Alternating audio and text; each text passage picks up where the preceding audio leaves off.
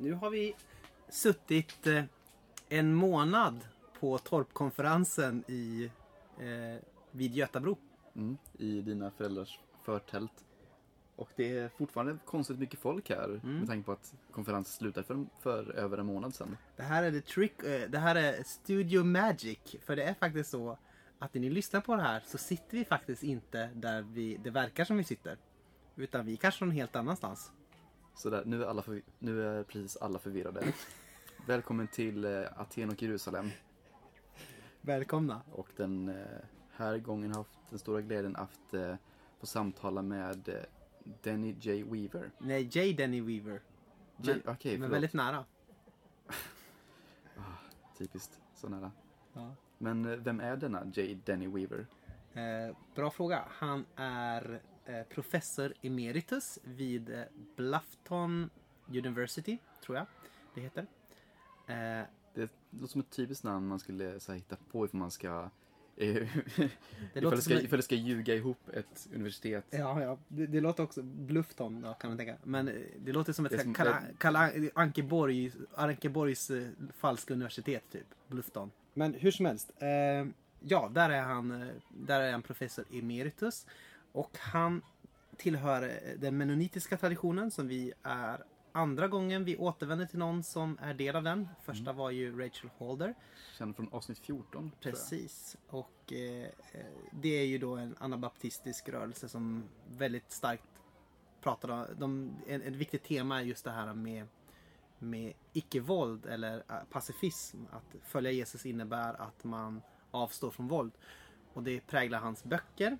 Eh, till exempel har han då skrivit den här bok, han har skrivit en bok som heter Defenseless Christianity till exempel, Försvarslös kristendom. Och eh, den här eh, böckerna som vi pratar om eh, är The Non-Violent Atonement, den icke-våldsliga försoningen. Och The Non-Violent God, den icke-våldsliga guden.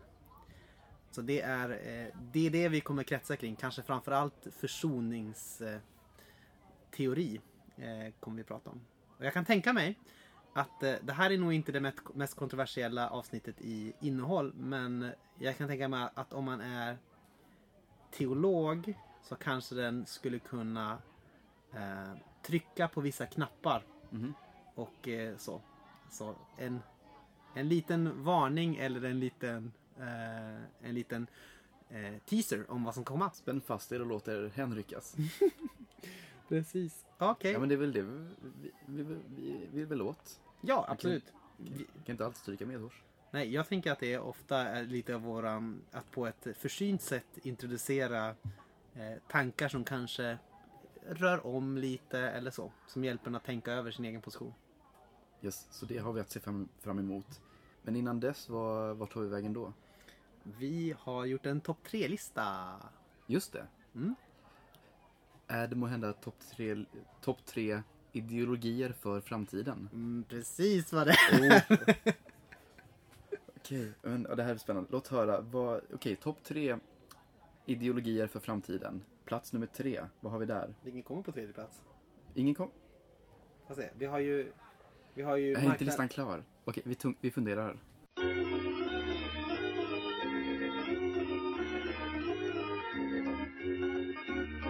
Sådär, nu, nu har vi funderat och fått ihop tre stycken punkter på Mm. vår topp tre-lista. Ja. Så vi börjar med den klart svagaste, nummer tre. Nummer tre. Mad Max-ideologin. Just det, och då kanske den behöver förklaras, kanske oinvigda som inte har Mad sett Max är en filmserie. Först med Mel, Mel Gibson som eh, huvudrollsinnehavare. Och sen med den här andra killen som jag glömde bort namnet på. Eh, det kom ju för några Vänta. år sedan. Och tokhyllades. Vadå, den senaste nu? Ja, den kom förra året va? Ja, Med Tom Hardy Ja, Tom Hardy. och Charlize Theron. Ja, och den tokhyllades ju och var Mm. väldigt, eh, väldigt eh, visuellt stimulerande. Och nu spelar sig i en postapokalyptisk värld där det är massor med problem. Eh, till exempel eh, eh, verkar hela eh, allting som vi känner till verkar vara kört i botten. Mm. Man tycker väldigt mycket om att köra bil fast det är brist på olja. Och man dyrkar liksom motorer på något sätt. Man, man dödar varandra för vatten och eh, för skådespel. Exakt, vad är det som gör detta till, till en ideologi för framtiden? Eller är det mer att det, det, det, är det, här, det är det här dystra scenariot du ser framför dig? Ja, det skulle ju det, är ju... det är ju kanske osannolikt på ett sätt, men varför inte? Liksom. Det, det känns som att det är lite på väg dit ändå, kanske. Well, det är ju ändå vår lista så vi kan säga varför inte. Ja, precis. Ska vi gå vidare till tvåan? Nummer två. Eh, och det är sann marknadsekonomi. Oj, vad du tog i där. Förlåt, sann marknadsekonomi. Eh. Yes, och vad är det det revolutionerande i det här, strå, i det här spåret? Jo, för att eh, vi har ju så att säga, det sägs att vi har marknadsekonomi, Mm. men det är väldigt få saker som egentligen fungerar som en marknad. Har du tänkt på det? Jag har verkligen tänkt på det. För till exempel, eh, om, man, om, om vi nu skulle ha en marknad och jag ska sälja en sak till dig. Mm. Då kan jag se varorna. Jag ser dig som är den som säljer. Jag kan på något sätt, jag kan fråga lite så här, jaha, var kommer det här ifrån? Åh, det kommer från min, eh, min lilla odling här ute på. Du kan få ta, jag kan visa dig lite bilder så. Sånt, sånt, sånt har de ofta på, på marknader, alltså att de visar bilder på så här, så här odlar jag. Visst. Och eh, lite så. Alltså det finns en sorts eh, transparens. Man, man kan se varandra, man kan se varorna. Eh, eh, man, man, eh, på ett sätt så bygger det lite på, på förtroende. Va? Det finns en närhet till arbetet. Säg. Ja, det finns en närhet till arbete, det finns en närhet till, till mellan producent och mellan eh, konsument. Eh, och det här är ju någonting som inte överraskande kan man säga har gått förlorad i den så kallade marknadsekonomin som vi lever i. Till exempel så är ju ofta saker producerade väldigt långt borta från konsumenten. Eh, Det finns ingen möjlighet att kolla upp det utan man försöker liksom göra det så obskyrt eh, som möjligt, liksom eh, kedjan.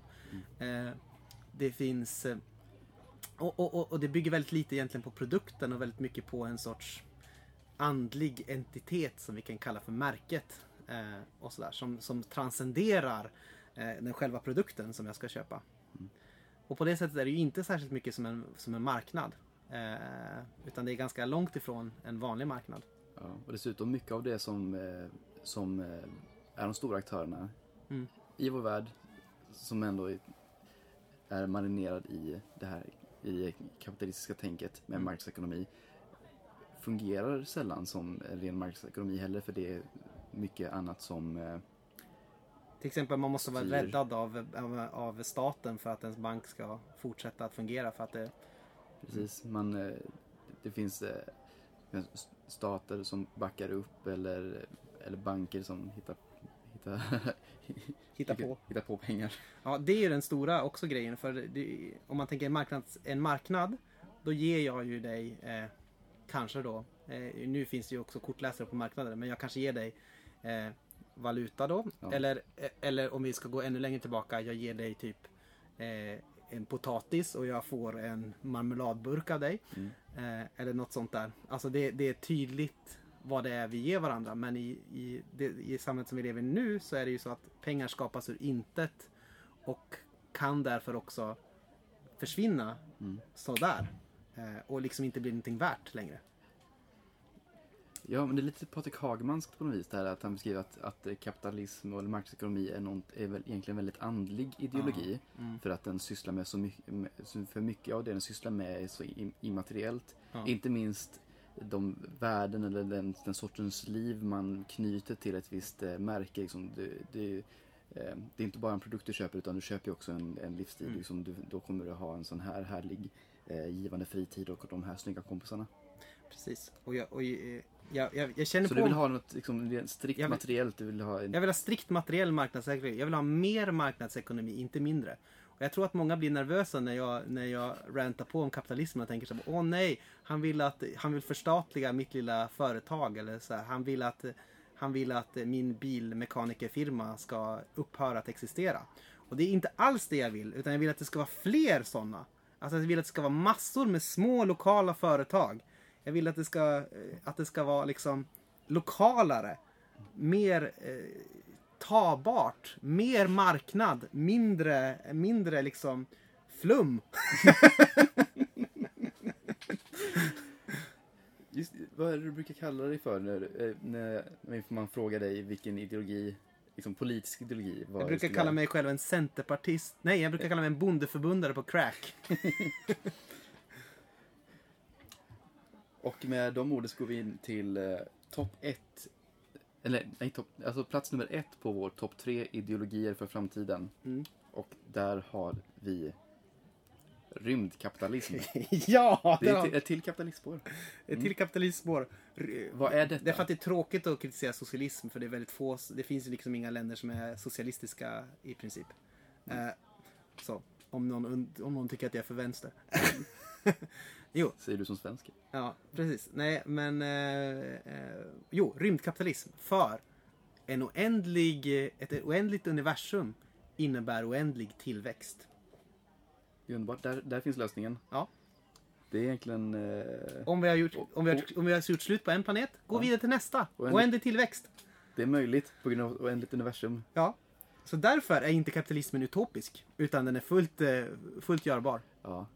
Lite pinsamt egentligen att vi inte vågat drömma så här. Att inte vågat tänka större. ja, precis. Att vi så... Att vi... Vet vad vi, vet vad vi är? Nej. Vi är terracentriska. Ja, det är vi verkligen. Tänk inte bara utanför lådan, tänk utanför den här världen. ja, precis. Tänk utanför det här versat in i ett annat multiversum. Åh, multiversum, det är Framtiden spännande. utspelar sig i en galax långt, långt borta. Jag tänker ständigt gå vidare, ständigt göra nya ekonomiska upptäckter. Dow Jones eh, åker iväg på nya fälttåg. Bara through the charts.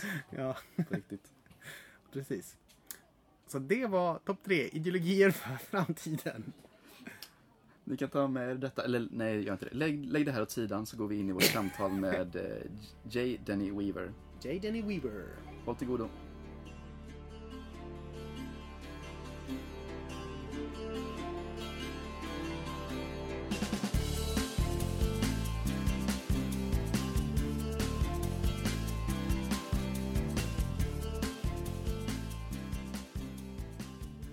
Uh, yeah, so I guess we'll get right to it. Okay, very good. Yeah, first want to say thank you for uh, for talking with us today. Yeah. I appreciate the invitation very much. Thank you Thank as well. So, uh, Denny, for those who don't know you, how would you introduce yourself? Well, I am, uh, and our, the official title in the States would be Professor Emeritus of Religion. Professor Emeritus means I'm retired from teaching. I was on the faculty at what is now Bluffton University for 31 years in the uh, religion department, and I taught mostly theology and some church history during that time. Uh, Bluffton University is a uh, small church related college uh, sponsored by the Mennonite Church in Ohio. We had about 1,000 students. Oh, Actually, I have a shirt on from Bluffton University. Maybe you see that. yeah, I can see that. I, I saw it earlier, at least. so, uh, w- when you start to type your name into uh, a search engine of choice, uh, the first suggestion is J. Denny Beaver. So, I wonder, are you named after Beaver, or is a beaver named after you? The beaver is named after me. It is? Yeah. The beaver is the uh, is the mascot of Bluffton University. The athletic mascot.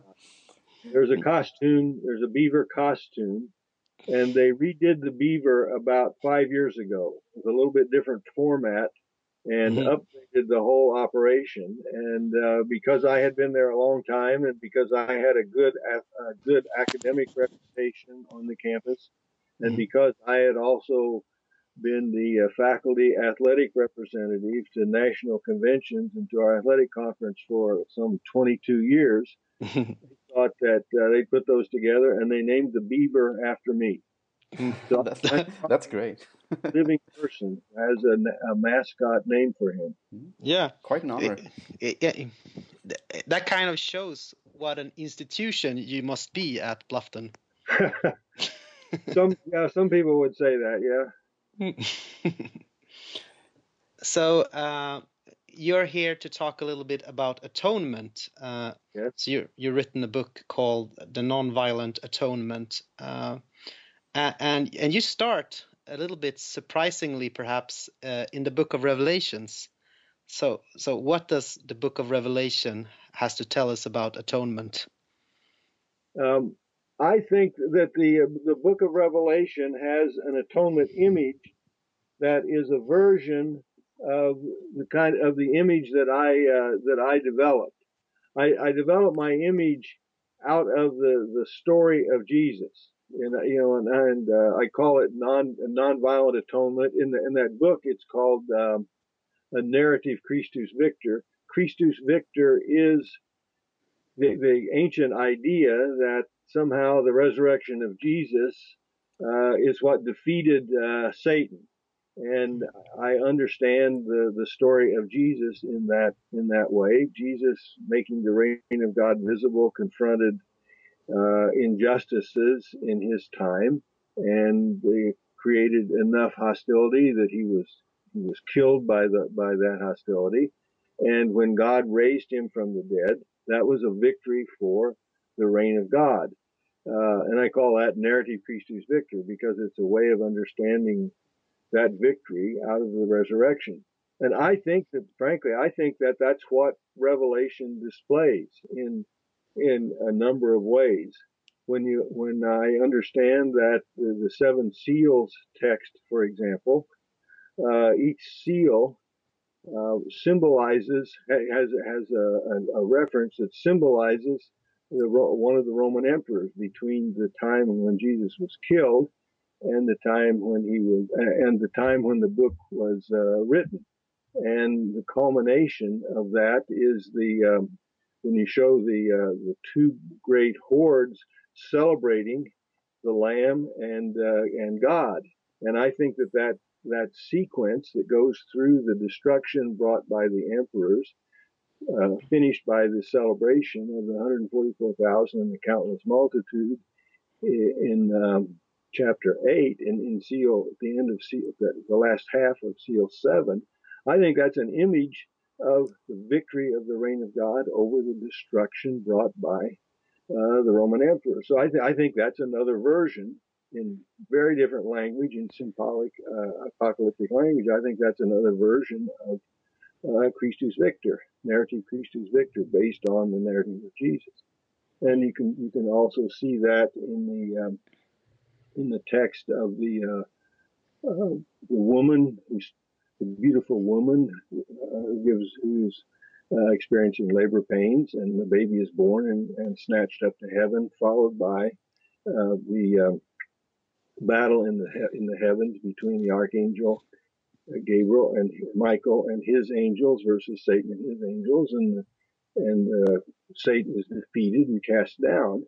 And I think that when you when you know that the dragon is really a symbol of the Roman Empire, and his seven heads and ten horns represent uh, the emperors between the time of uh, when Jesus was crucified and the time the book was written, you see that that's another another kind of symbolic image that again is referring to Roman Empire and the victory through resurrection over forces of evil in the world. So I see I see that image in the book of Revelation.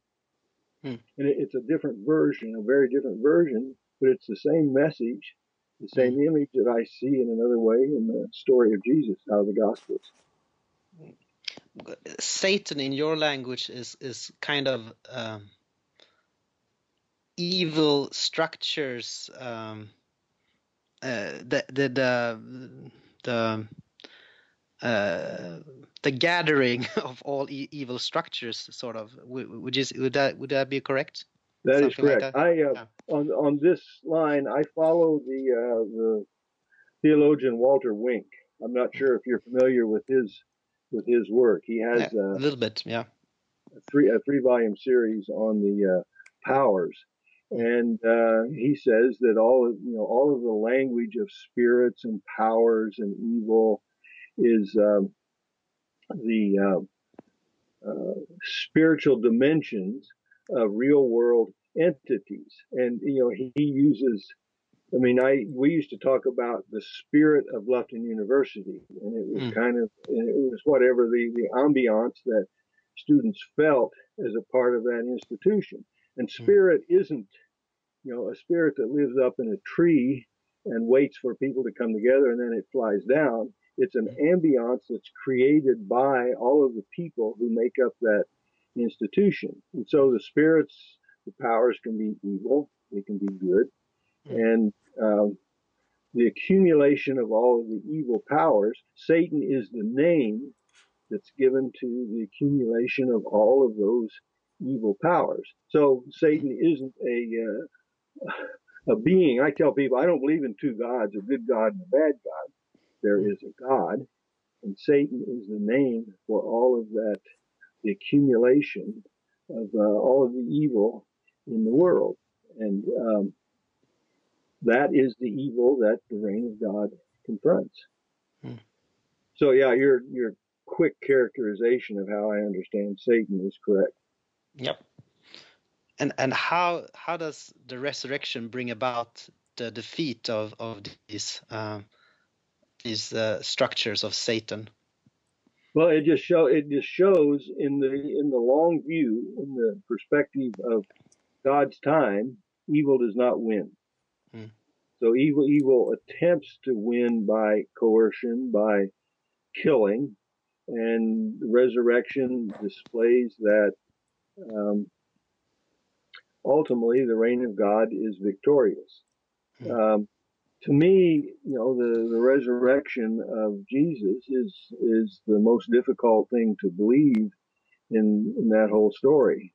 But I believe it because I think the, the reality of the story calls for that, and it's that it's that it's the resurrection that uh, gives meaning to to uh, life because it shows where the uh, where the ultimately where the reign of God belongs, hmm. where it uh, where it's going in the future.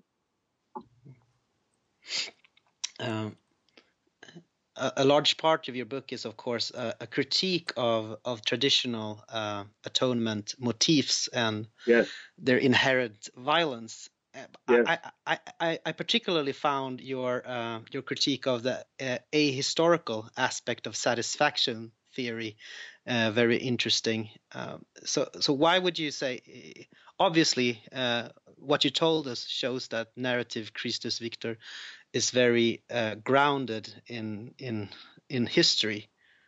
Uh, why is that important? Um, why can't well, satisfaction be a, a a heavenly transaction, so to speak.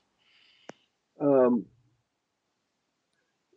that that motif, the satisfaction motif, has become so common that it is it is taken on a life of its own, as though it was as though it were, were an unquestioned given, hmm. and but no idea just comes into existence without without any, uh, I mean, just as, as a given. I mean, uh, I demonstrate, you know, it's clear where, where clearly where it came from. You know, it hmm. was given its first articulation by, uh, by Anselm.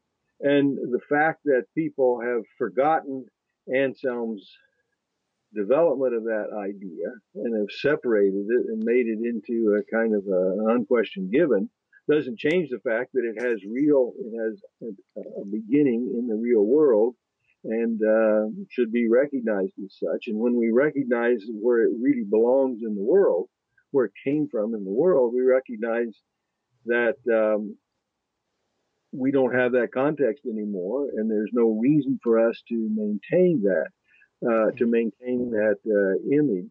Uh, I think that it's also done uh, significant harm in the world because it's uh, this isn't Anselm's language, but it's been turned in. I mean, it, it's become the um, um, the theory behind the criminal justice system in many countries that determine which which determines that when a, when a crime is committed, the um, somebody needs to be punished.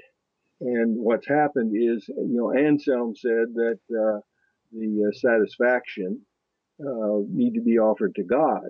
And what what has happened in the, in the, in the modern world is that the state has replaced the um, the entity that needs to be paid back when a crime is committed, and uh, so that that does nothing for that that that does not rehabilitate the person who committed the crime. It also does nothing for the victim of the crime, who is simply uh, a spectator to the uh, process of punishing the uh, the offender. So I, you know, I uh, advocate what what in this country we call restorative justice.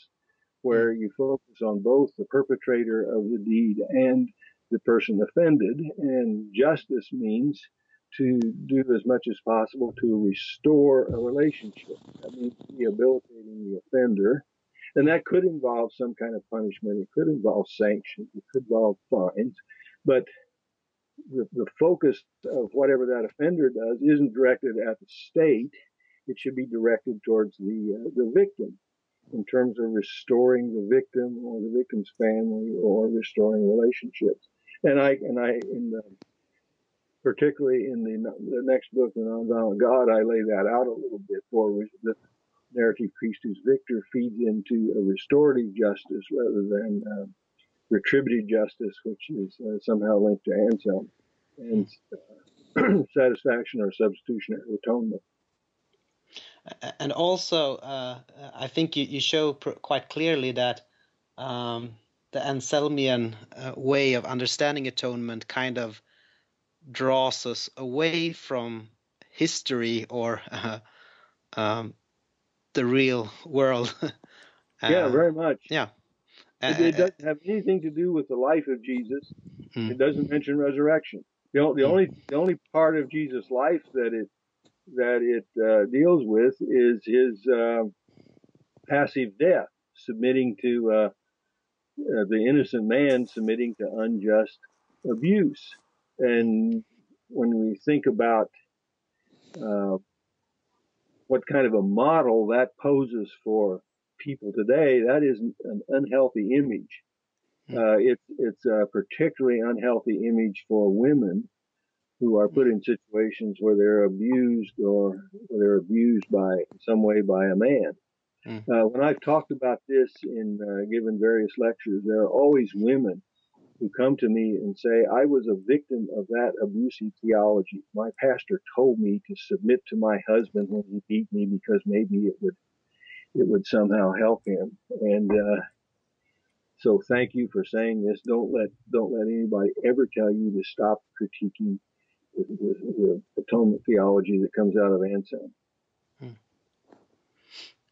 Yes, and uh, and and and it also has a, a ecclesial ecclesiological uh, dimension that is uh, uh, when there is no evil structures, so to speak, to confront, or they have been baptized. Uh, there is no. Uh, it doesn't make sense the the more uh, confrontational um, model that that you um, present.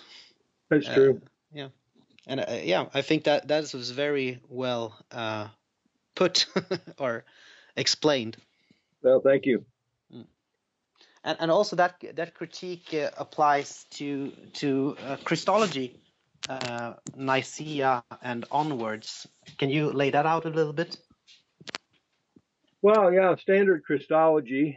Um, which defines Jesus in the, the, classic language is Jesus is God and man, or more correctly today, God and human. But mm. defining Jesus in those terms says says nothing about how he was human, says mm. nothing about what it means for him to be linked to God, and so and so the um, the classic language has contributed to um, evil in the world uh, because it um, it it was developed. I mean, this is controversial and makes some people nervous, but it was developed after the church had made peace with the sword, and uh, so it, classic language was was was language that did not challenge the uh, emperor's army. And uh, you know, I one of the one of the people I quote in my book is from Jörg Rieger, who, who says that that's not an accident; that they just would not have tolerated a Christology that emphasized the, the narrative of Jesus, because that would have made his rejection of the sword visible. Mm. And more recently, we've become aware how that classic language uh, has has enabled the church to uh, turn a blind eye to issues of slavery and uh, racism, which uh, which still plague us. And you know, the black theology, particularly black theology and womanist theology in the uh, states, have um, said that very loudly. Unfortunately, not a lot of people have paid attention to what black theology and uh, womanist theology have said about those uh, issues, mm-hmm. and, um, but I have that in my book because I because I think it is very important. Uh, you claim that that Jesus' death is not a necessity in and of itself, and it's not willed by God. Um, it's more the resurrection that kind of changes uh, the way of the game, so to speak. Yes. Uh, but uh, I, I, was thinking a little bit uh, about about a passage from the Bible and see if you can just uh, give some reactions from this. I'm I'm reading from Mark eight uh, thirty one to uh, thirty four, I think. And he began to teach them that the Son of Man must suffer many things and be rejected by the elders and the chief priests and the scribes and be killed, and after three days rise again. And he said this plainly. And Peter took him aside and began to rebuke him. But turning and seeing his disciples, he rebuked uh, Peter and said, Get behind me, Satan, for you are not setting your mind on the things of God, but on the things of man. And he called to him the crowd with uh, his disciple and said to them, If anyone would come after me, let him deny himself and take up his cross and follow me. What is of particular interest uh, for me in that uh, passage is that Jesus' death is kind of described as a necessity. Uh, the Greek word is dei, some sort of uh, this must happen sense of it, and and also of course the the language of picking up the cross and and uh, and following Jesus into death seems to be implied, at least. Uh, what, what what would you make about uh, of that? Well, I, as I understand it, Jesus Jesus' mission was to witness to the reign of God. This mission mm. was to make the reign of God visible, and he had no illusions about how popular that would be. Mm. That making the reign of God visible is carrying out, you know, in our language, an ultimate mission, and it's going to create ultimate hostility. So I think that he clearly saw the fact that his mission was going to get him killed. But his mission was not a three year effort to court death. Mm. His mission was to make the reign of God visible. And death is the result of being faithful to that mission. He could have saved his life by uh, abandoning his mission, abandoning his God given mission, but mm. chose to continue his mission, knowing even that it would lead to his uh, very cruel death. But death isn't what the mission was about. Death is what um, death just shows what the powers of evil will, would, how far they would go to try to confront the reign of God.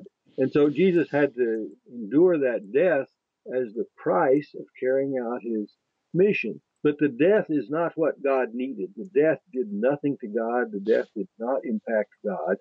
Uh, God's response to that death, which was created by the evil powers, God's response to that was to raise Jesus. And it's the resurrection that demonstrates that the, the truth of Jesus' mission it demonstrates that Jesus' way, his nonviolent way, his way of confronting, of speaking about women and Samaritans and economic issues, was God's way. And it's the resurrection that demonstrates the life of Jesus was God's way.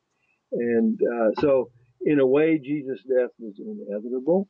You could see it coming, but it was not his purpose, and he wasn't purposely courting death. His mission was to live, to witness to the reign of God. So, I mean, I just frankly don't think that his that the death as death in an isolated way had any impact on God. It wasn't required to pay uh, to satisfy God's,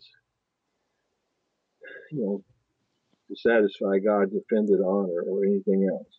Hmm. And I and I realize that's a that's a major shift in uh, the way we understand theology for the last uh, thousand years.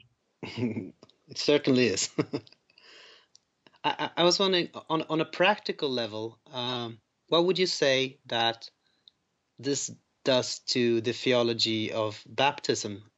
Does does your understanding of, of the death uh, that we are baptized into uh, and the life that we are raised uh, into um, in baptism does it somehow uh, does it change the meaning of baptism to put it bluntly um, baptism has a, a lot of meanings depending on where we start it was you know, i come out of the mennonite tradition which has uh, which is which is linked to Anabaptism. You know, started with Anabaptists, whose one of their beginning uh, identity factors was baptizing adults.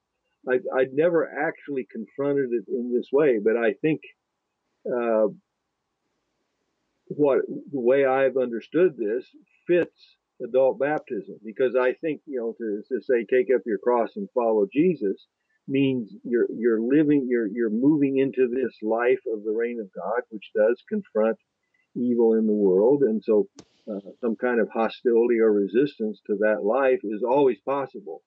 And I think that's um, that's an adult decision to to join that movement, which confronts uh, which with the reign of God confronts evil in the world. So I think adult baptism, you know, baptism of uh, consenting adults is very is very appropriate and it fits with this uh, uh, with this understanding. The the traditional view of infant baptism is you had to put water on that little baby's head to to in some way deal with original sin, and uh, I just understand the whole package different than that. Now I I don't I don't spend a lot of time arguing about baptism. If somebody was baptized as a, as a baby and grows into faith and, and understands themselves, himself or herself, as joining the reign of God as it confronts evil in the world, I don't require I don't require that person to be baptized, to be baptized again. It's just that they got into that track in a little different way.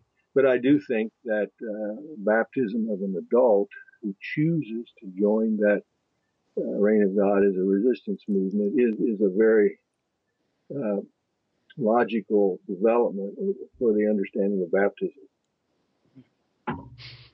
I think one of the the, the strongest uh, things about um, your atonement theology is that it doesn't separate the following of Jesus from uh, atonement or from the work uh, of Jesus' his resurrection. Um, it is kind of like a one package deal, and uh, which which you don't get in a lot of other atonement theories because then it's like a two stage uh, rocket. You first you become atoned, and then eventually, perhaps, you'll start to follow Jesus.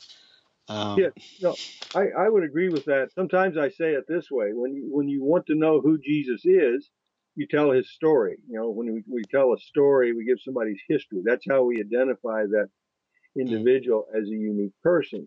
So the question, who is Jesus? You tell tell the story of Jesus. But then when you say, well, okay, I'm a Christian, how should I act? You're telling the same story. Mm. You give Jesus as the beginning discussion of what it means to, to live in the in the reign of God. So I I fully agree. I think I think eh, when I understand this, the, the theology and the ethics are just two sides of the same uh, discussion. They are absolutely inseparable when we understand that we start with that story of Jesus. You, you have this metaphor that I find a little bit intriguing. I'm, I'm from a hockey town, a small hockey town, and okay. uh, and and you you come you um, it's it's a little bit funny to me that that hockey uh, that playing hockey is a metaphor for for sinfulness uh, or the sinful team uh, and baseball for the kingdom of God. Uh, what do you want to do with that analogy? Wait, okay, that was uh, was I was I quoting my friend who said he left hockey? Yeah, because... yeah, that's that's the one. That's okay. the one. Yeah. Um, now I'm I'm a sports fan. I like uh, I like all I like all sports I wasn't, I didn't intend to critique hockey per se. uh, I think you could play hockey without the mean dimension that my mm. friend mentioned. Mm. Um, so I, you know, I would say the same thing about football. I, you know, I've always enjoyed football, and people would uh, ask me, "Well, you're a pacifist. How can you support football?" Mm. Because people get hurt, and I'd say, "Well, getting hurt is not the purpose. Mm.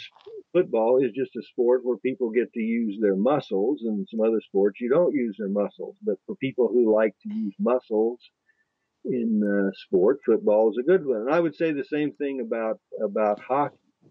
That both of them, each of them can be played with a way to uh, a desire to hit to hurt people, but that's not necessary. Although the real point I was making about uh, hockey in that point was really the, the character of my friend who, who was saying that uh, his innate uh, competitive drive was very was very strong, and it took him a long time to learn how to uh, tame that. And I, I, I just happened to, he just happened to be a hockey player. I, I could have, if he had been a football player or a basketball player, I, I could have told a, a similar story when he talked about, you know, he couldn't play, he couldn't play, uh, with his uh, youth team for a long time because he just felt himself getting too competitive and he'd start to uh, beat up on one of his little teenagers. So that that's the real point of that story, rather than uh, critiquing mm. critiquing hockey. Uh, with baseball, I just simply wanted to you know pick up a sport where uh, it's clearly the whole depends on individual performance, and if an individual an indiv- when an individual makes an error, the whole team suffers the whole team feels that air. So I, I was just there. I was illustrating the difference between people engaged in parallel parallel activity versus people who are part of a community where one what one person does impacts the whole. Hmm. In, in, other writing, I have other sports analogies. that, that was one of the things at, at my at uh, Bluffton University that people would recognize. He's the one who uses sports analogies. That's good. well, Are you satisfied with that, Anton? I'm satisfied. Great. I, am not. I'm not. I'm not really uh, a hockey person, so I'm not offended. okay. Uh, I, I, see that a lot of people uh, on the internet uh, they try to criticize you on Trinitarian grounds, um, uh, and you are they say that you're placing too much emphasis on Jesus, etc., which is only a third of God or so. Uh, so, what would your answer be to such critique? Um, okay, no, that's that's uh, that's a question I get a lot. I mean, it's mm. it's pursued farther in the nonviolent God book, mm. but you know, I just simply ask, when did the Trinity language develop? And it developed in the fourth Christian century.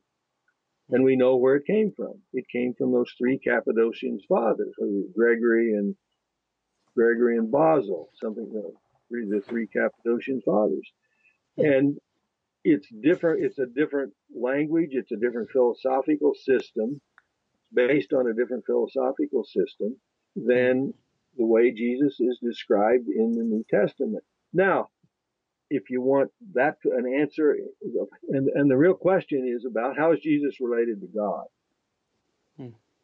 And so they developed a language in the fourth century to say that how Jesus, how they wanted to say Jesus is related to God. Hmm. They're of the same substance, the same essence, of the same being. That's not the way Jesus is described in the New Testament.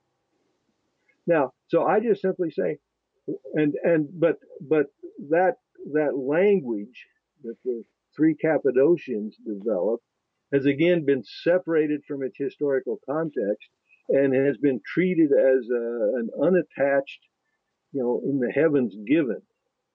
And so then theology would start by how do you explain Trinity? Well, I think that's the wrong place to start because Trinity itself is a derived set of language to talk about a story, uh, you know, things that are said in the New Testament.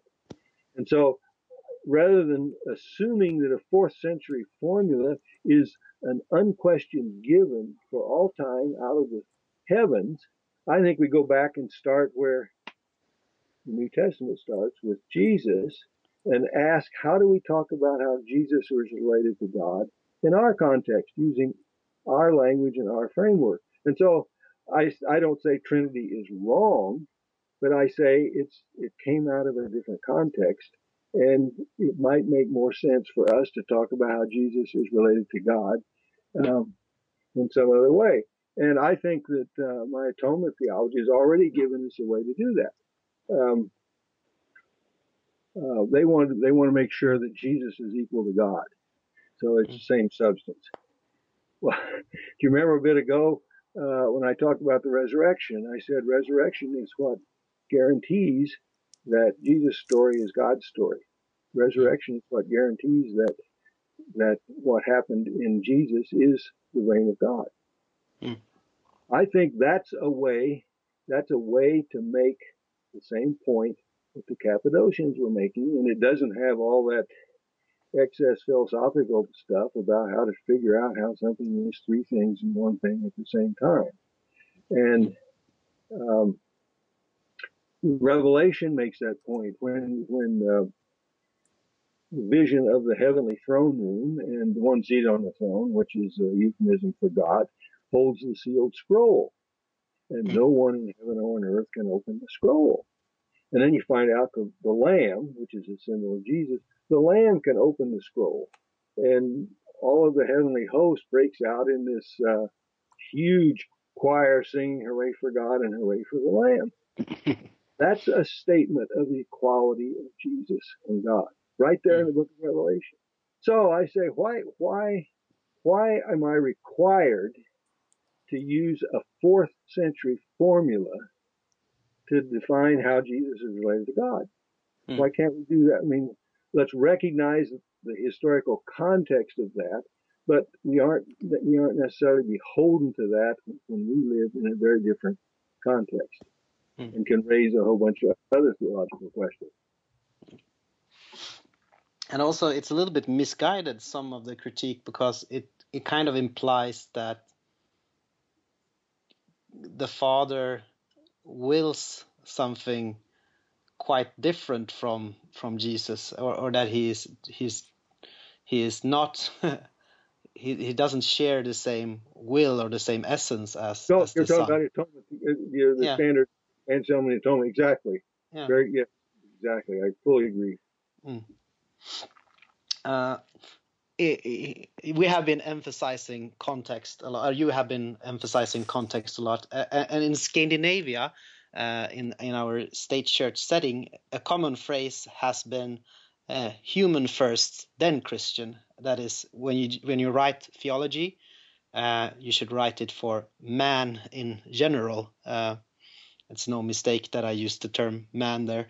Uh, and I have a feeling that oh, it, has been a quite thoroughgoing uh, thing in this interview, perhaps that you would object to such a way of doing theology, right? yes, I yes I would because that that assumes that uh, there is some generic given that we use to define Jesus. Hmm. And, and I would turn that on its head and hmm. say, you know, we Jesus to define what it means to be uh, fully human. And to, to talk about Jesus, I, when, and actually I'm working on another project where we, I use the story of Jesus and say that it can impact everything in the uh, university curriculum in, in some way. You know, if mm. if the uh, I'm rambling a little bit, but if uh, if God is revealed in Jesus, then the, the the universe that God's created should in somehow should somehow uh, be visible, or the the the um, what we see in Jesus about rejection of violence and you know good economics and stuff should be visible in the in the way the world. We can see that in the way what would be good for the world. But that discussion starts with Jesus, but it can address the world. And so we don't start with the world and then figure out how to define Jesus. We figure, mm. we look at Jesus and then talk about how the world could be discussed in ways that uh, reflect uh, the reign of God. And and to me, the easy one is is the violence issue. Uh, a lot of social scientists who aren't Christian at all will talk about how cyclical violence is. Uh, violence creates more violence, and it's just a, an ongoing cycle. And better things happen, peace can happen when something happens to stop that cycle. And, you know, I think that's what Jesus is talking about when he said, don't resist evil. He really meant don't mirror evil, do something else to stop the cycle of violence. And, you know, that's what Paul, when Paul says, return good for evil and so on. And so I think, I think that when, when you start with that understanding, then what we see in Jesus about rejecting violence is visible in the grain of the universe. Not very many people see it, but but it's there for those who um, are willing to look. And so I would, rather than starting with oh whatever we see in the in the world out there, and that becomes the basis for talking about Jesus and theology, I would start with Jesus and use that as the way to talk about uh, the world. Good. Is it Yoder that said that? Uh, it slipped my mind. Uh, that the, John Yoder is John Yoder is the who is the one I got the language about uh, the grain of the universe. Yes, yes, and he, he said something about uh, um, truth has come to our side of the ditch. Right, uh, right. When when right. talking about Jesus, I think. Yes, yes. Yeah. That's in that's in his article in um, in the book. Um, oh, what did I got on my shelf here? Well, we know what we're talking about.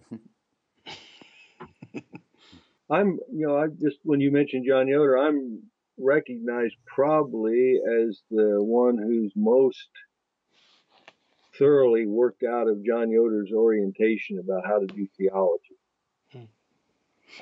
You wrote that book, uh, Radical Theologian, I think. Yes, yes, I was. Mm. I shepherded that book. Yeah. Mm. Okay, you pick up a lot of voices from that doesn't uh, come from uh, supposedly general Western theology. I think most have an idea about black and feminist theology, but uh, I don't know if, if Swedes are very aware of uh, womanist theology. Uh, what is womanist theology and what does it have to bring to the, the table? Uh, womanist theology is theology written by African American or black women. Um, womanist theology is a response both to feminist theology and to black theology to feminist theology, womanists said, white women do not speak for us. You know, the, the early feminists tried to act, you know, thought that they were speaking for all women.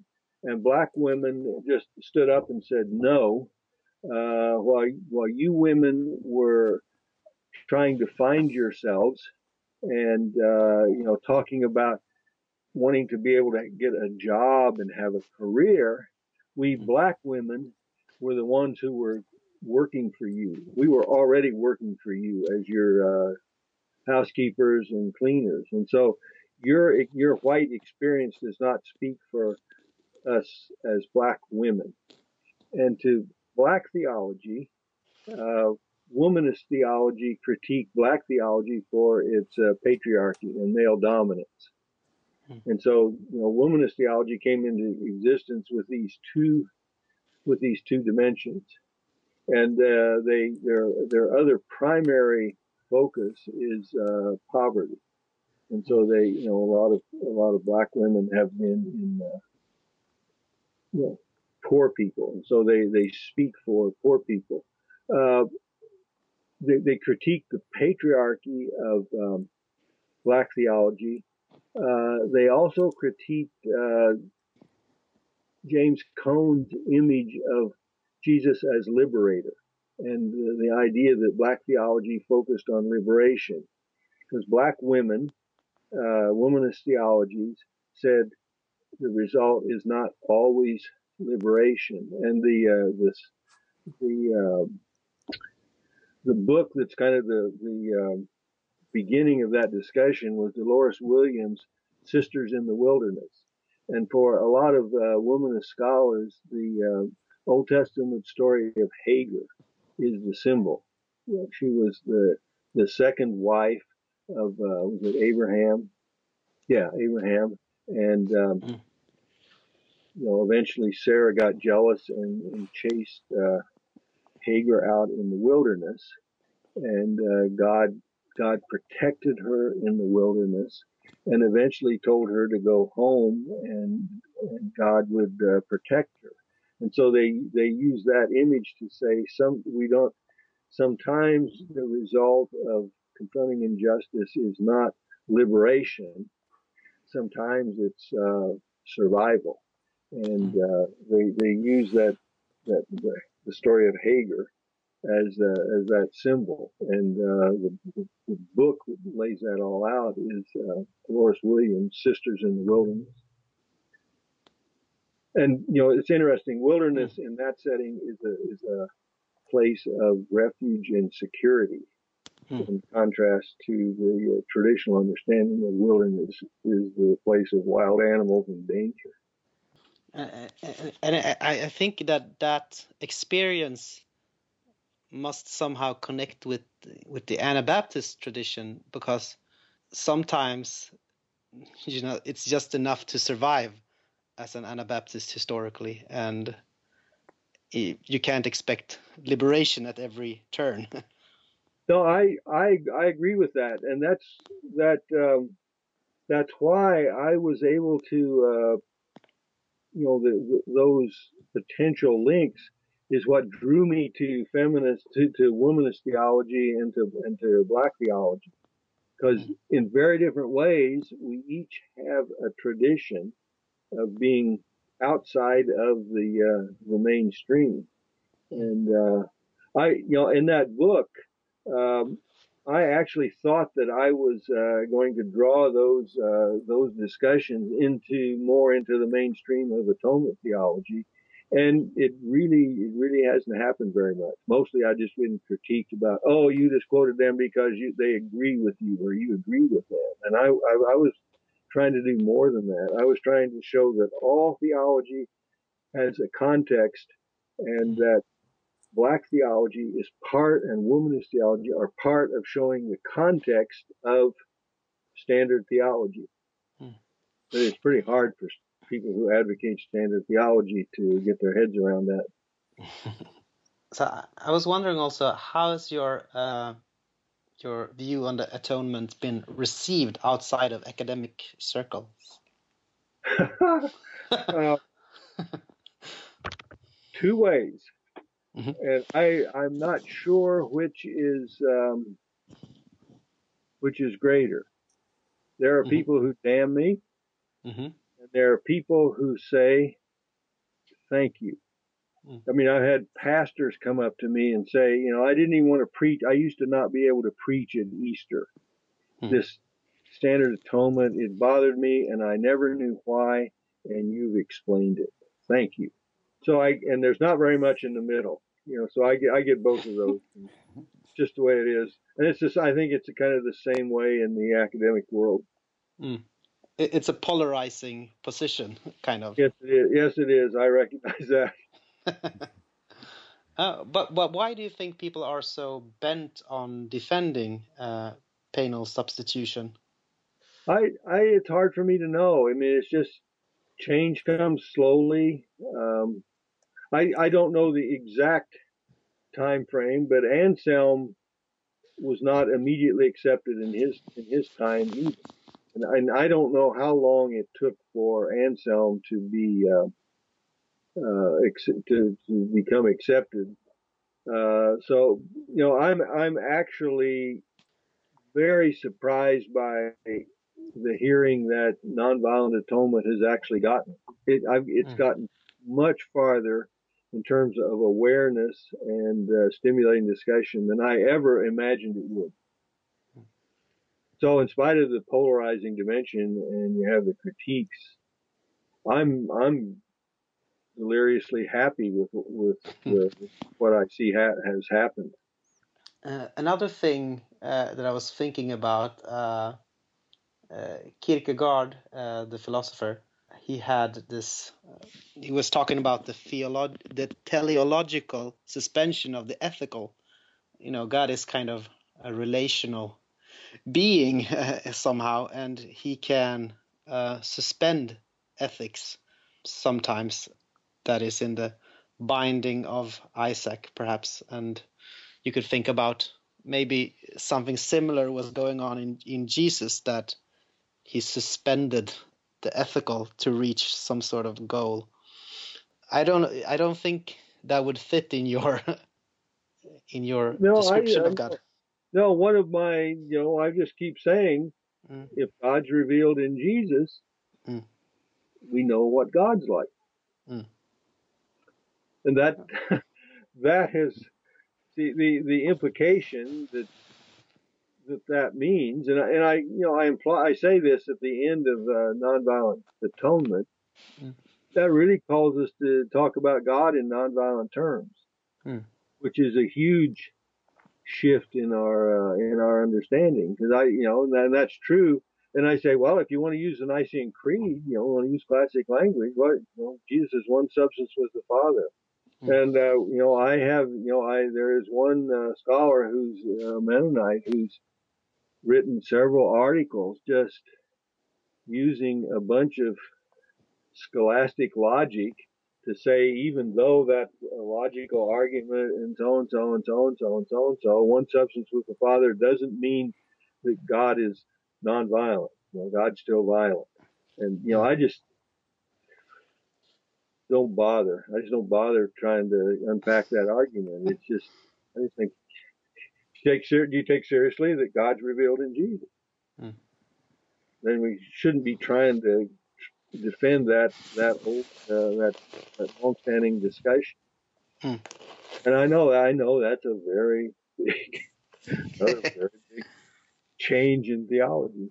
Mm. But I but I'm also surprised at how many people are are talking about that one though. Hmm. You know, I I don't know if you if you compared the two the two versions of nonviolent atonement. The first version in 2001, I in the that chapter seven, I discussed all of the people who hmm. tried to that I could find who tried to defend traditional atonement. And mm. what there's like seven or five yeah. discussions Greatly expanded later. Yeah, and, and when you know, uh, ten years later, when I when I got permission to do a second edition, I tried to read all the stuff that was that had come out, and I read more for that second edition than I did for the first edition. And uh, if I remember, there were you know twelve, and and I didn't even try to sort out all of the books that had you know chapters. You know, I, I, I dealt only with major statements, you know, mm. mostly book length statements. And there were 12, I think, I think I remember 11 or 12 versions of somebody getting into the program in some way defending a nonviolent atonement and you know, nine or so long efforts to defend traditional atonement. So in the 10 years after that book came out, well, the, the discussion just exploded. Mm. So it's uh, the the polarizing factor is perhaps a good thing. in a yeah, way. it, it certainly stimulates discussion. Mm. In fact, I have um, you know, and, and, it's everywhere. I have a um, a, a, person, a, a, man is coming from Netherlands. I will pick him up at the airport on uh, Sunday night here in Madison, and he's going and he's coming to talk to me for two days about theology. In the Netherlands, he is writing his dissertation on nonviolent atonement. So he's hmm. coming to the source to talk about it. so, I mean, it, this discussion is just almost taken on a life of its own. I, hmm. and I don't know if you know, the nonviolent atonement has been uh, translated into German. Really? Okay. Uh, it's uh, what Gewaltlos uh, something like that. It has not appeared.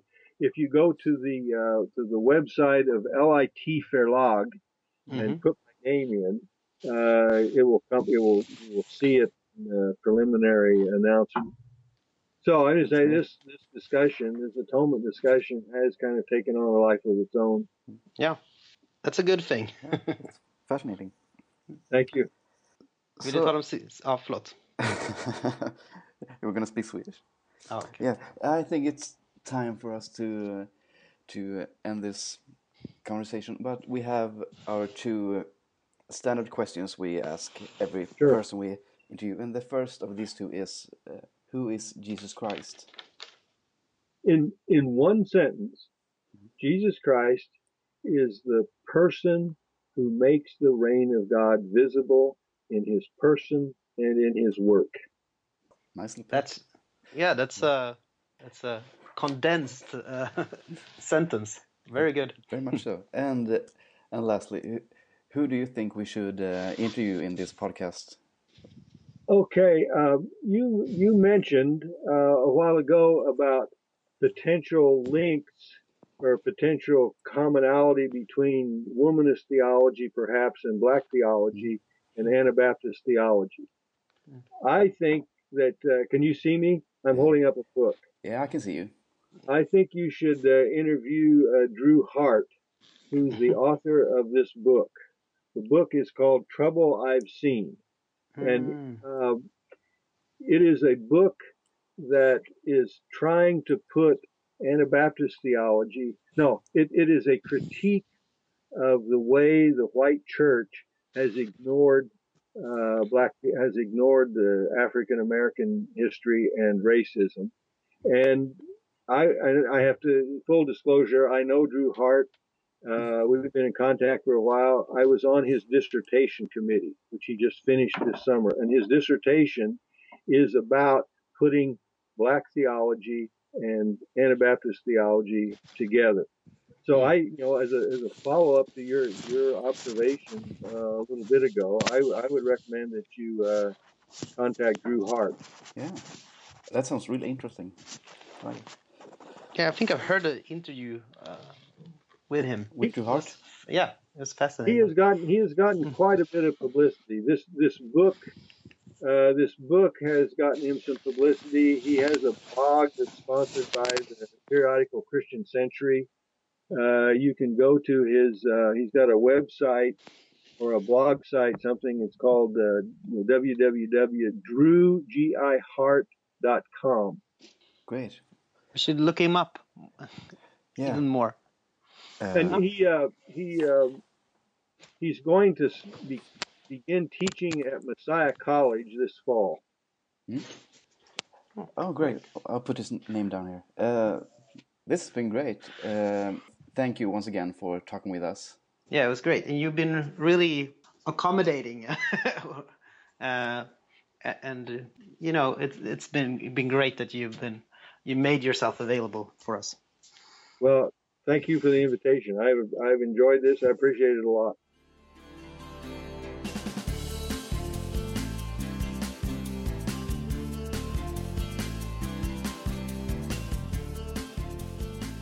Välkomna tillbaka. Jag sitter som vanligt och har det väldigt trevligt, trevligt här med min vän Anton. Vi är fortsatt i ett förtält. Ja, precis. Skönt att eh, vara här med dig också Simon. Mm, kul. Mm. Då har vi artighetsfraserna utbytta. Nu går vi in på eftersnacket. Bra. Eh, det här tyckte jag var ett, eh, det är ett kul samtal. Jag, han är ju lite, han är ju lite, jag skulle gissa lite medvetet provokativ ibland och eh, det är en bra grej. Vad tänker du eh, är provocerande det jag säger? Eller provokativt eller annorlunda? Ja, jag tänker att det som är provokativt, tror jag för många, är att han inte utbyter så här artighetsfraser med, med perspektiv som man inte håller med om eller som man tycker liksom fostrar våld. Han säger typ inte så här, ja, det här perspektivet har ju såklart många, eh, många eh, goda sidor men ett litet problem skulle kunna tänkas vara det här. Utan han säger så här bara, ja, det här leder till att eh, kvinnor underår eller eh, tar på sig en passivt lidande roll och eh, det fostrar och det bygger på en bild där Gud är våldsam. Till exempel då den klassiska satisfaktionsteorin. Mm. Och, det, och det kan jag tänka mig är lite provokativt och det är lite amerikanskt också kanske att man inte att man inte liksom, man sparrar inte för länge utan man går direkt på knock på något sätt. Mm. Och eh, att han till exempel säger så här, ja men treenighetsläran, fine, det får man hålla på med men eh, man kan lika gärna argumentera utifrån Bibeln. Och nu ser, och det känner jag redan att många av mina vänner eh, skulle liksom bli lite, lite röda i ansiktet när han säger någonting sånt. Mm. Mm. Av nervositet. Ja. Lite så. Men annars så tänker jag att det, det, att det är liksom ett eh, spännande perspektiv. Det jag tänkte på lite grann. Jag tänker nog ändå att det är någonting som kanske jag tänker nog att det är någonting som saknas ändå för mig. Jag tänker att i Nya Testamentet så beskrivs just korset kanske som mer än bara ett preludium till uppståndelsen. Eh, jag tänker nog att korset, på något sätt kan man nog säga, tänker jag, att på korset, alltså i Jesu lidande, så besegras, just där så besegras de onda makterna. På det sättet. Och jag, kanske han skulle säga det också, men han menar att det inte liksom har någon funktion för Gud. Men jag tänker att det har den funktionen just att Gud, att Jesus som liksom representerar då Guds rike går in i den här världen präglad av våld och ska han då vara trogen mot Guds eh, väg att inte eh, återbetala slag med slag, våld för våld, eh, hämnd med hämnd. Så. Och det är han ju då på korset. Han liksom tar in människans ondska. Både judar och romares liksom eh, missförstånd, eh, hat eller, eh, eller liksom bara så här äh, slentrianvåld. Och han på något sätt han ger inte igen utan han bär det hela vägen till korset. Han dödar liksom fiendeskapen på korset tänker jag. Och eh, när han uppstår så visas det just att han är att han är eh, att det är sant. Att Gud är, att Guds väg är liksom eh, mäktigare än, än det vi tycker är mäktigt.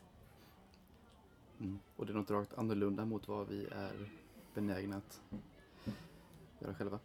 Precis. Och just Guds helighet då, eller annorlundaskap blir väl då synligt tänker jag i Jesus på det Mm. sättet.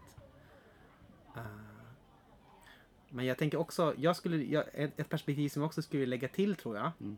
Det är att jag tänker inkarnationsperspektiv eh, starkare. Jag läste liksom förra sommaren Johannes av Damaskus och han spenderar jättemycket tid att, att fundera att just det här med att Gud blir människa. Att Gud blir människan. Att han, att han på något sätt kliver in i vad det innebär att vara människa och eh, helgar och, och, och gudomliggör det inifrån. Jag tänker ett perspektiv som skulle kunna berika lite en läsning av Weaver. Att, att just det, att Gud... Och då, och då tänker jag att det också är meningsfullt att han just... Att äh, om man är sant mänsklig så dör man också. Om man är sant mänsklig så, så lider man. Mm. Och just det att Gud går igenom liksom hela liksom spektrat av vad det innebär att vara människa, tänker jag. Eh, och liksom helgar det. Eh, gudomliggör det, tänker jag är ett, ett viktigt perspektiv för mig. Så. Och eh, subjektivt, bara för mig är det viktigt. För alla. För alla, Ja. överallt och hela tiden. Ja, precis. För det är just det, just det jag sa. Och så blir det konstigt att jag sa för mig. Ja. Mm. Vad tänkte du på Simon? Det jag tänkte på eh, kanske främst, eh, eller något som gjorde mig väldigt intresserad, det var just det här, han prat, eh, pratade om womanist theology. Mm. Eh, Detta att feministisk teologi och svart teologi har sina fördelar, men här har man, liksom, men här, eh, har man slagit ihop de två Mm. för, att, eh, kunna, för att göra upp med deras båda nackdelar. Mm. Så först och främst tycker jag mest att det var, intress- att det var intressant och sympatiskt på att, att, att en vit äldre man då är så öppen för den andra på det viset som har lagt ner så mycket tid på att eh, ta sig an detta också. Mm. Ehm, för jag tycker också det är lite intressant också. Jag har också tänkt lite på det här med, eh, låt, ta som feminismen då. Feminism eh, tycker jag är väldigt bra som analysverktyg. Mm. Jag tycker det funkar väldigt bra i många, i många, på många sätt. Men det är just det, ett analysverktyg och därmed har den också sina för och nackdelar. Och, Mm. eh, och i och med här Womanist Theology så får man också in eh, också att det inte bara handlar om att, eh, att förtryck av, av, av kvinnor handlar inte enbart heller om kön utan också om klass. Att man, för ofta det perspektivet, kanske särskilt inom amerikansk feminism, Mm. så som, den, så som man eh, så som det kanske slängs med lite slentrianmässigt kanske i diverse amerikanska tv-serier eller talkshows där någon ställs upp med ja, jag är feminist för att jag vill att kvinnor ska sitta i bolagsstyrelser. Mm. Men så räcker inte engagemanget längre än så. Mm. Och då blir det till syvende och sist att den, den svarta kvinnan är, är liksom den mest nedvärderade människan i, i världen. Så, ja. Och jag tycker det är intressant är just eh, utifrån att vi lever i en tid där man, där kanske att vinna är viktigt och att womanist, womanistisk eh, teologi kanske lyfter in det här. Ja, men ibland hjälper oss Gud bara att överleva. Att liksom att finnas kvar för vi kan inte vinna alltid när vi är liksom i en sån underordnad situation utan ibland så måste vi hjälpa oss Gud bara att överleva liksom och, och så tänker jag är en ganska Mm. viktig. Och sen så såklart så finns det befrielse i slutändan. Eh, Eller Gud jobbar på befrielse också men han hjälper också i det andra skedet. Och med de orden så avslutar vi denna månads avsnitt av Aten och Jerusalem. Mm. Och eh, ja, Anton, vad kan du som lyssnare göra för att få reda på mer av vad vi håller på med Mm. och kanske till och med hjälpa oss på traven? Man kan till exempel följa oss på Twitter. Och då kan man till exempel dela vårt avsnitt på Twitter. Alltså vad heter det? retweeta gör man och, eh, och delar på andra Ja, visst, är bara dela. Ja, dela. Och sen så kan man gilla oss på Facebook. Och där kan man också kanske ta eh, skriva en rad till oss eller kanske dela med sig till sina vänner på Facebook. Eh, man kan skriva ett mail och säga det här tyckte jag var konstigt. Varför lyfte ni inte, varför lyfte ni inte den här frågan? Eh, till exempel varför pratar ni inte någonting om blodsspråket här med Weaver eh, i Nya Testamentet? Eh, och det, har jag ingen, det jag ingen bra svar på. Varsågod för ett förslag till fråga. Ja. Eh, och så sen så kan man ju prata med sina vänner och säga så här. Har du lyssnat på det här Aten i Jerusalem? Hmm, nej, det har jag faktiskt inte. Då tycker jag att du ska göra det. Så kan man också göra. Så, så att säga eh, bortanför internetrummet. I tillvaron. Underbart. För, för Sverige i tiden. Sådär. Jättekul att ni är så många som lyssnar. Tack för att ni hör av er. Och vi hörs igen nästa månad. Peace out. Fridens.